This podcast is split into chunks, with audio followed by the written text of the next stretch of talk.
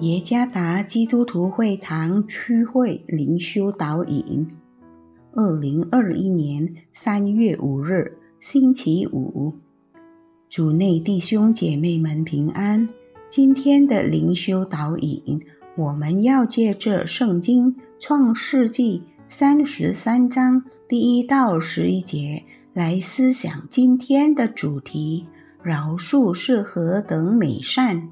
作者古发起牧师，《创世纪》三十三章第一到十一节，雅各举目观看，见以扫来了，后头跟着四百人，他就把孩子们分开，交给利亚、拉杰和两个使女，并且叫两个使女。和他们的孩子在前头，利亚和他的孩子在后头，拉杰和约瑟在紧后头。他自己在他们前头过去，一连七次俯伏在地，才就见他哥哥。姨嫂跑来迎接他，将他抱住，又搂着他的颈项。与他亲嘴，两个人就哭了。姨嫂举目看见妇人孩子，就说：“这些和你同行的是谁呢？”雅各说：“这些孩子是神施恩给你的仆人的。”于是两个使女和他们的孩子前来下拜。利亚和他的孩子也前来下拜，随后约瑟和拉杰也前来下拜。以嫂说：“我所遇见的这些群畜是什么意思呢？”雅各说：“是要在我主面前蒙恩的。”以嫂说：“兄弟啊，我的已经够了。”你的人归你吧，雅各说：“不然，我若在你眼前蒙恩，就求你从我手里收下这礼物，因为我见了你的面，如同见了神的面，并且你容纳了我。求你收下我带来给你的礼物，因为神恩待我。”使我充足，雅各再三的求他，他才收下了。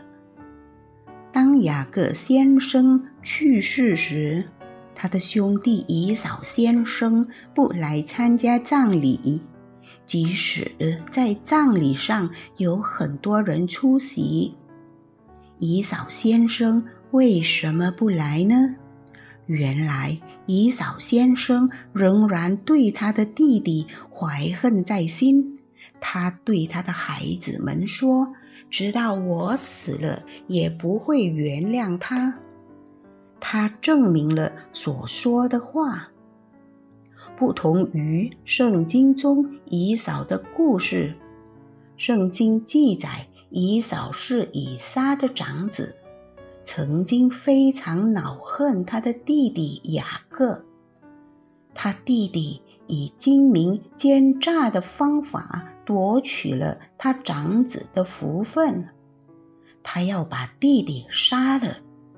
姨嫂的计划被泄露了，雅各逃到他舅父拉班的本地，并在那里待了很长时间。直到有了很多孩子和丰盛的财物，雅各回到父亲的本地时，他最大的恐惧是见他的哥哥姨嫂。姨嫂仍然对他怀恨吗？显然没有。姨嫂已经饶恕雅各。第四节，真窝心呀！为什么雅各被以扫所饶恕呢？当然有神圣的干预在其内。之前雅各在皮努伊勒与上帝摔跤，他的恐惧消失了，生命改变了。雅各敢于面对未来，上帝与他同在。我听到了许多在一个家庭中彼此敌对的亲兄弟，彼此憎恨，彼此伤害，把怨恨保留，需要的话可把它发泄出来。仇恨一直持续到生命的尽头。太遗憾了，这样的事情在我们家庭中不应该发生。如有任何纠纷，立即解决吧。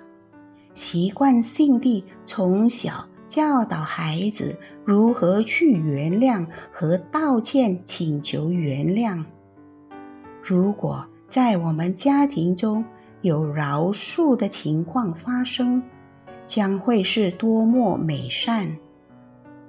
如果一家人彼此饶恕，那将是多么美善！主耶稣赐福。